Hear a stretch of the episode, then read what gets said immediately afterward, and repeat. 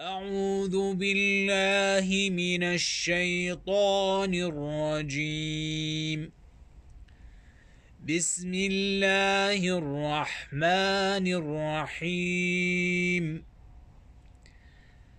تبت يدا أبي لهب وتب ما أغنى عنه ماله وما كسب.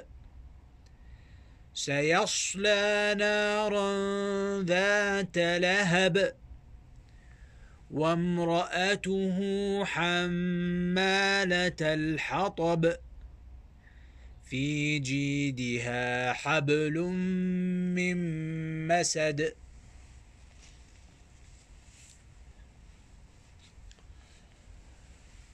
الحمد لله رب العالمين. وصلى الله وسلم على المبعوث رحمة للعالمين. وضياء للخلق أجمعين. اللهم صل وسلم على رسولك ونبيك محمد وآله وصحبه وأجمعين. أما بعد اللهم يسر لنا أمورنا وعلمنا ما جهلنا وذكرنا ما نسينا. ووفقنا للعمل بما علمنا يا رب العالمين وزدنا علما وفهما عنك. واجعلنا من العلماء العاملين العارفين. واجعلنا من أهل تقواك وخشيتك. وارزقنا الزهد والورع والتقوى. واحشرنا مع نبيك صلى الله عليه وسلم يا رب العالمين. واجعلنا في زمرته وزمرة صحبه واجعلنا ممن, أقار ممن قرب إليه مجلسه يوم القيامة يا رب العالمين. واجمعنا به في جنات النعيم. اللهم آمين. في هذا اليوم نقرأ في تفسير سورة المسد. أو كما أسماها بعض المفسرون بصورة تبت أو صورة بصورة أبو لهب من كتاب التفسير الموجز للشيخ محمد بن شامي العدوي القرشي. فقال الشيخ وفقه الله في قول الله تبت يد أبي لهب وتب قال خسرت وخابت يد أبي لهب وضل عمله وسعيه وخسر هو بذاته. وتحقق هلاكه بكفره بالله ورسوله صلى الله عليه وسلم وأذية رسوله صلى الله عليه وسلم. انتهى كلامه وفقه الله. التب كما ذكر الشيخ أنه الخسار. وابتدأ الله عز وجل هذه السورة بهذا التقريع لأبي لهب. لأنه هو المقصود من هذه السورة. وهذا مشعر بأن هذه السورة إنما نزلت في الرد عليه. ونسب التب إلى يدي إلى يد أبي لهب آه، لأن لأنه آذى النبي صلى الله عليه وسلم بيديه. فقد كان يجري خلف النبي صلى الله عليه وسلم لما كان يتعرض إلى الناس ويدعوهم إلى الإسلام في الأسواق الجاهلية فيقول للناس قولوا لا إله إلا الله فكان يرجمه بالحجارة فيؤذي النبي صلى الله عليه وسلم. بل ويذم النبي عليه الصلاة والسلام وينهى الناس عن أن يؤمنوا به مع أن هذا الرجل وعم النبي عليه الصلاة والسلام. فخسر وهلك ولم يؤمن بالله عز وجل. وهذا يبين أن نزول هذه السورة أنها كما ذكر المفسرون مكية باتفاق. وذكروا في سبب نزولها أن النبي صلى الله عليه وسلم دعا قريش وعشيرته قال لو أني أخبرتكم أو أني أنذرتكم أن جيشا من خلف هذا الجبل كنتم مصدقين؟ قالوا نعم. قال فإني نذير بين يدي عذاب شديد أو كما قال النبي عليه الصلاة والسلام. فقال له هذا الخبيث تبا لك ألي هذا جمعتنا؟ فرد الله عز وجل عن نبيه عليه الصلاة والسلام. قال تبت يدا أبي لهب وتب. وهذا يضاف قولا وفعلا. تبت يدا أبي لهب وتب. واليدان مشعرة بالكسب لأن الإنسان إنما يكتسب بيديه. فقد كسب هذا الخسران بلسانه وبيديه. لذلك قال الشيخ وظل عمله وسعي وخسر هو بذاته. لأن هلاك يديه هلاك بذاته. فلذلك في الحديث لما جاء إلى النبي صلى الله عليه وسلم أنه سأل أحد الصحابة مرافقة النبي صلى الله عليه وسلم في الجنة قال فأعني على نفسك بكثرة السجود. كثرة السجود ليس المراد بها السجود دون الصلاة إنما المراد بها الصلاة. لكن يعبر بالشيء ببعض الشيء أو ويراد به الكل وذلك إذا كان أشرف. فإن أشرف ما في الصلاة السجود لله سبحانه وتعالى وهو أن يجعل الإنسان وجهه لله سبحانه وتعالى خاضعا على هذه الأرض. وينزل برأسه. فهذا كما قال النبي صلى الله عليه وسلم أقرب ما يكون العبد من ربه وهو ساجد. فهذا هو السجود. الله عز وجل في القرآن الكريم قال واركعوا مع الراكعين. لم يقل صلوا مع المصلين وإنما هو يعني الله سبحانه وتعالى الصلاة. وذكر الركوع.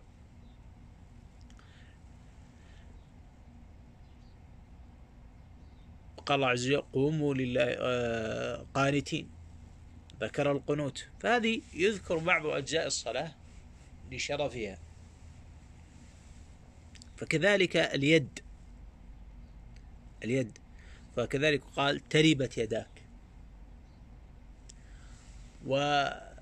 وسلمت يمناك. لأنها آه، اليدين هي محل الإنسان. وتعبر عن ذاته. فإذا كان الهلاك والخسران مصيبا ليديك فقد أصاب ذاتك فلا انفكاك ولا انفصال بين الجهتين. تبت يد أبي مثلا قول النبي صلى الله عليه وسلم كذلك ويل للأعقاب من النار. في الذي يترك بقعة في قدمه لا يغسلها. ويل للأعقاب من النار. هل هذا يعني أنه إذا نزل العقاب على الأعقاب أنه لا يتأذى الإنسان ولا يتعذب؟ بلى بأنه لا لا تنفصل لا ينفصل إنسان عن عقبيه. تبت يد أبي لهب. لم يذكر الشيخ لماذا سمي بأبي لهب؟ وقالوا أن سبب تسميته بأبي لهب أنه من جماله وشدة حمرته فكان يكنى بذلك أبي لهب. ولماذا كني في هذه الآية؟ لماذا كني؟ لأن التكنية لا تكون إلا للتكريم. فتقول يا أبا فلان يا أبا فلان تكريمة له كما كانت تفعل العرب. في التودد إلى الرجل بذكره بكنيته حتى أن الإمام أحمد رحمه الله في كثير من المسائل قال أبو عبد الله. قلنا يا أبا عبد الله. لي من باب التكرمة. فقالوا لأن اسمه عبد العزى وهذا مما لا يقره الله عز وجل ولا يقره الإسلام فكني من أجل ذلك. وقيل كني بأبي لهب أو ذكر بأبي لهب لأنه لقب معروف مشتهر مشتهر هو به. فلم يترك المشتهر حتى يعرف هو بذاته.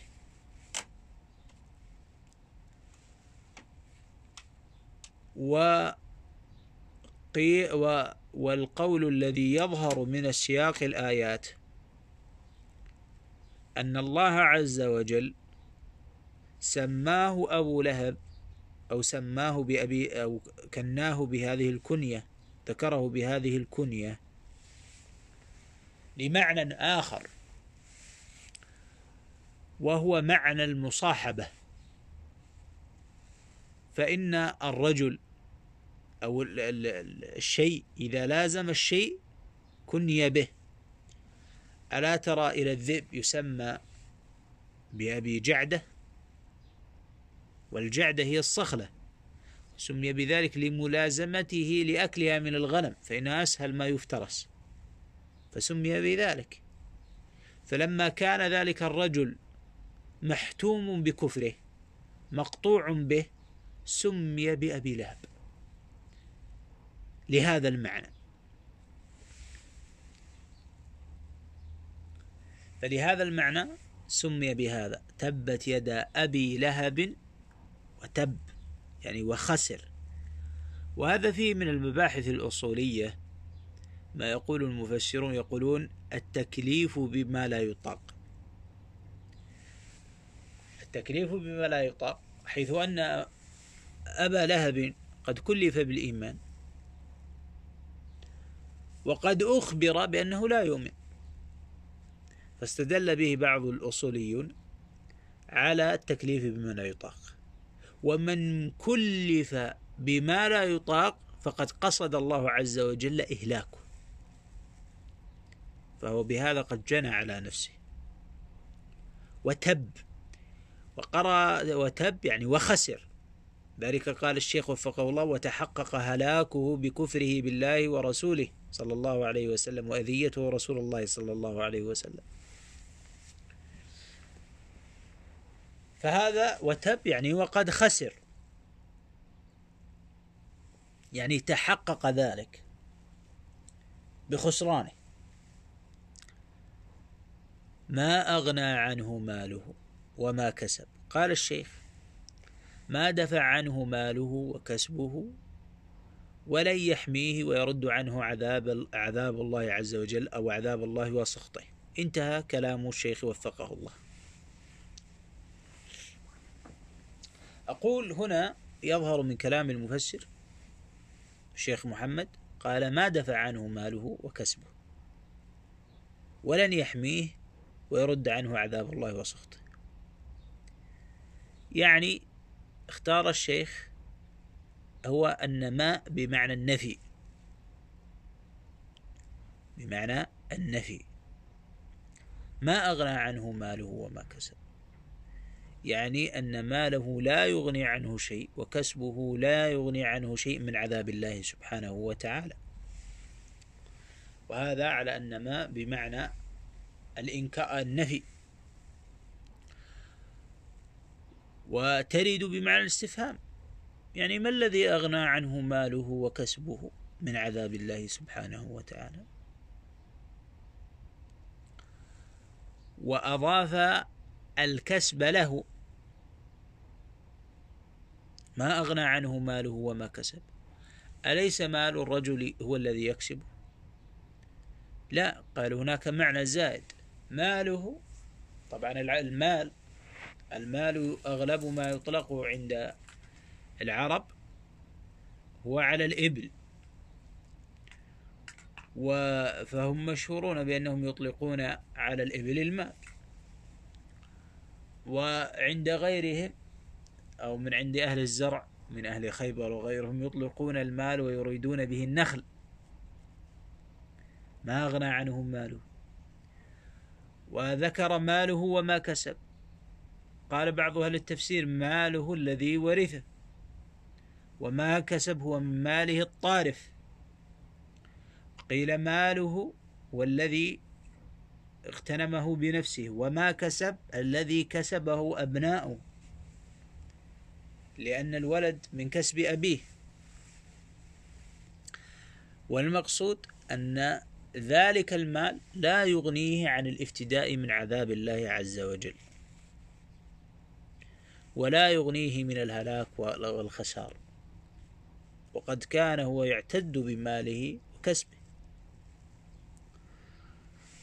ثم قال الله عز وجل سيصلى نارا ذات لهب. قال الشيخ وفقه الله في قول الله سيصلى نارا ذات لهب. قال سيدخل نارا يصطلي بها ويحرق وهي ذات توقد شديد ولهب عظيم. انتهى كلامه وفقه الله. أقول سيصلى الصلي أصلا الشوي يصلاها يعني يشوى فيها. ولذلك أخذ الناس يقولون للحجر الذي يشوى عليه صلى ويطبخ عليه فيقولون صلى يعني الذي يضعون عليه الشيء ويصلون عليه. يعني يشوون عليه. نارا. والنار معروف. والمعنى في الآخرة نارا. ونارا نكرت. مع أنها معلومة وهي النار الأخروية. وإنما نكرت تعظيما لها يعني نارا وأي نار وهي نار جهنم التي لا تسوى نار الدنيا منها أجزاء. سيصلى نارا وهذه النار ذات يعني صاحبة لهب يعني اللهب بالإضافة إلى حرارتها وحرها وعظيم وصف النار إن أن لها لهبا وهذا من وصف النار نعوذ بالله منها فلما ابتدأ الله عز وجل قال تبت يدا أبي لهب وتب. فذكره أنه بأبي لهب. وهذه فيها تقريع له ليس مناسبا بذكره بكنيته تعظيما أو توددا له بل هو في مقام تقريع. ثم بين له أنه من جنس تكنيته وسبب تسميته بكنيته في هذه السورة أنه سيصلى تلك النار ذات اللهب. فبما أنه سيصلى تلك النار ذات اللهب فقد سمي أبو لهب لمصاحبته وملازمته في استحقاقها لأنه لا ينفك عنها. وفي هذا إثبات أن النار باقية ولا تفنى. وهي مخلوقة الآن وأنها لا تفنى. فهو أبو لهب لمصاحبته العذاب واستحقاقه لتلك النار فلا يفارقها وهو فهو في لهيبها يصطلي. فلذلك كني بأبي لهب. ثم قال الله عز وجل وامرأته حمالة الحطب في جيدها حبل من مسد. قال الشيخ وفقه الله وامرأته التي كانت تحمل الحطب والشوك وتلقيه في طريق النبي صلى الله عليه وسلم أذية له سوف تعذب معه في عنقها حبل من الليف يلتهب عليها نارا في نار جهنم. أعوذ بالله من عذاب الله. وامرأته امرأته انتهى كلام الشيخ وفقه الله. امرأته هي أم جميل. ما بها؟ قال الله عز وجل حمالة الحطب. حمال هو الذي يحمل. وهي لماذا كانت حمالة الحطب؟ أنها كانت قال المفسر أنها كانت تحمل الشوك والعظى وتجعلها في طريق النبي صلى الله عليه وسلم أذية له. وكانت لعنها الله تقول عن النبي صلى الله عليه وسلم مذمما تسبه وتسب دينه. وتكالبت هي وزوجها على أذية النبي صلى الله عليه وسلم. كما أنها كانت كما ورد عن الصحابة تمشي بالنميمة والفتنة بين المسلمين. فاختلف المفسرون على هذين القول الذي ذكرت. طيب ما وجه أنها حمالة الحطب؟ على الوجه الذي يقول أنها تمشي بالنميمة والغيبة أي الوجه أن حمال الحطب ويحملها لإيقاد النار. وهذه تحمل الكلام لإيقاد الفتنة. الفتنة كالنار تصطلي وتضطرب. فتحرق من حملت إليه. لإشعالها بين الناس. في جيدها حبل من مسد. الحطب الحطب معروف ما يؤخذ من الشجر وهو يابس فتوقد به النار. وذكرها الله تبعا لزوجها. ثم قال في جيدها والجيد هو محل القلادة من العنق. وأبو لهب زوجها هو صاحب مال صاحب كسب. وأخبر الله عز وجل أنه لا يغني عنه ماله وما كسب وأنه في النار. ومع ذلك الله عز وجل جعلها كحمالة الحطب كالمرأة التي تحتطب فتحمل الحطب وتجره للناس لتبيعه. وهذه ينبئ من حالها الفقر والحاجة. وهذا وصف لها بوصف رديء. وأضاف ولم يفردها بالذكر بل جعلها تبعا لزوجها. وزوجها يحبها وهي تحبه بدليل مناصرتها له في أذيته للنبي صلى الله عليه وسلم. ففي هذا تقريع لها وله. ثم لما قال في جيدها حبل من مسد لما كانت امرأة والمرأة يناسبها الحلي جعل الله مكان الحلي هذا حبل والحبل هو ما تربط به الأشياء. فتربط به السفن ويربط به الأسير ويربط به الحطب.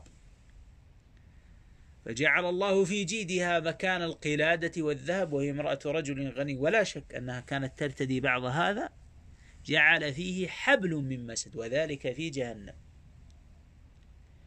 وهذا الحبل الذي من مسد وهذا الحطب الذي تحطبه زيادة لزوجها في العذاب. فهي تجره في جهنم. ذلك الحبل من مسد ممسود وهو من ليف أي حبل شديد قوي شديد قوي. فهي تجر من ذلك لتوقد في نار جهنم على زوجها فتزيده إحراقا وتزيده عذابا. مع أنه هو يحبها وهي تحبه. فكان حبها له وحبه لها وتعاونهما على الشر سببا في زيادة العذاب له وسببا في زيادة العذاب لها. فإن هذا القيد كما ذكر الشيخ يلتهب عليها نارا في جهنم في عنقها. فنسأل الله عز وجل أن يغفر لنا ذنوبنا. قال الشيخ وفقه الله الدروس المستفادة من الآيات. تحريم أذية الرسل عليهم الصلاة والسلام وتحريم أذية الدعاة إلى الله عز وجل بالقول أو بالفعل. وتحريم أذية القائمين بالأمر بالمعروف والنهي عن المنكر والأعمال الخيرية عموما وتحريم أذية المسلمين والمعاهدين وعلى الذين يؤذون الدعاة والمؤمنين أن يعلموا أنهم يبارزون الله بالمحاربة. وفي الحديث القدسي يقول الله تعالى من عاد لي وليا فقد بارزني بالحرب الحديث رواه البيهقي في السنن الكبرى.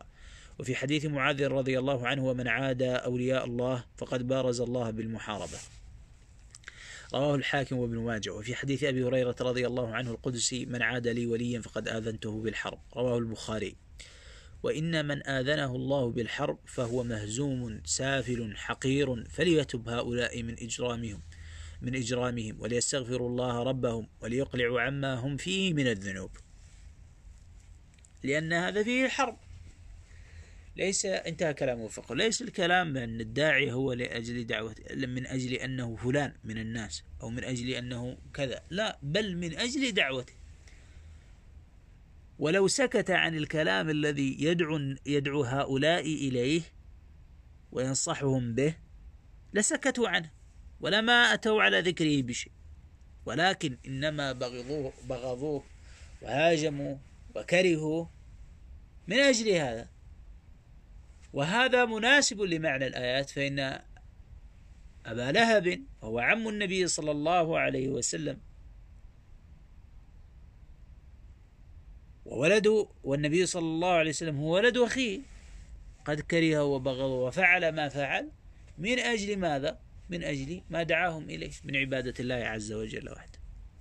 ولو لم يدعوهم إليه ما هاجموه ولا قالوا شفاء قد لبث فيهم عمرا طويلا. حتى أصبح عمره صلى الله عليه وسلم إنما بعث في الأربعين. فأربعين سنة وهو بينهم ما كرهوا ولا ذموا ولا. فلما دعاهم إلى الإسلام حصل منهم ما حصل. قال الشيخ وفقه الله أيها المسلم احفظ يديك من الوقوع في الذنوب فإن اليدين إذا لم يحفظهما صاحبهما عرضهما للمخاطر. وقد قال صلى الله عليه وسلم كما في حديث أبي هريرة كتب على ابن آدم نصيبه من الزنا, الزنا مدرك ذلك لا محالة فالعينان زناهم النظر والأذنان زناهم الاستماع واللسان زناه الكلام واليد زناه البطش. الحديث رواه مسلم وفي رؤيا الطفيل رضي الله عنه في منامه رجلا. هيئته حسنة ورآه مغطيا يديه فقص على النبي صلى الله عليه وسلم فقال اللهم اللهم وليديه فاغفر. فليح رواه مسلم. فليحذر أحدنا أن يأتي, يأتي يوم القيامة ويداه ملطختان بالذنوب. نعم. هذا أبو لهب انظر ماذا جنت يده آه ثم قال وفقه الله أيها المسلم احذر من الاغترار بالمال والكسب فتقع في الطغيان. كلا إن الإنسان لا يطغى أن واستغنى. واعلم أن المال والكسب لا يدفع عن العبد عذاب الله. إذا استحق صاحبه نار جهنم واجعل مالك لك لا عليك ولغيرك فأنفق. لقوله صلى الله عليه وسلم كما في حديث أبي هميمة رضي الله عنه يا ابن آدم إنك أن تبذل الفضل خيرا لك وإن تمسكه شرا لك. أو شر لك. ولا تلام على كفاف. وأبدأ بمن تعول واليد العليا خير من اليد السفلى. رواه مسلم. نعم. والمال الصالح في يد العبد الصالح فيسلطه الله على هلكته في الخير. هو خير ما أتاه الإنسان. فهذا هو تكليف المرء في هذه الأموال. فالمال مال الله. والعبد إنما هو مستخلف. ثم قال الشيخ وفقه الله رسالة إلى المرأة. أيتها المرأة كوني امرأة صالحة واحذري طاعة الزوج في معصية الله عز وجل ومساعدته على ذلك واحذري طاعة أي مخلوق في معصية الله واحذري أذية الدعاة والداعية إلى الله عز وجل بقول أو كلام أو غير ذلك وأسعي في نجاة نفسك من نار جهنم وفي بيتك وأهلك. فقد قال صلى الله عليه وسلم والمرأة راعية في بيت زوجها ومسؤولة عن رعيتها. الحديث رواه البخاري. من عمل معصية لله عز وجل بشيء فإنه قد يعذب به في نار جهنم فالذين يؤذون الدعاة والصالحين بربطهم وضربهم عليهم أن يستعدوا لعذاب الله لهم جزاء عملهم بربطهم بحبالهم يوم القيامة وهي من نار تلتهب عليهم وجزاء سيئة سيئة مثلها. ومما يدل على ذلك قوله صلى الله عليه وسلم أن من قتل نفسه بشيء عذب به في النار. الحديث رواه البخاري ومسلم. انتهى ما ذكره الشيخ من دروس مستفادة من الآيات في كتابه التفسير الموجز. إلى هنا آه، نصل إلى ختام تفسير هذه السورة. نسأل الله عز وجل أن يغفر لنا ويرزقنا علما وعملا وتقوى وورعا وأن يغفر لنا ولوالدينا لمن له حق علينا وأن يغفر لمشايخنا ولجميع المسلمين يا رب العالمين وأن يتوفانا مسلمين ويجعلنا من الصالحين. وأن يغفر لنا ما قدمنا وما أخرنا وما أعلنا وما أسررنا وإن يجعلنا من الهداة المهتدين وصلى الله على نبينا محمد وعلى آله وصحبه وسلم.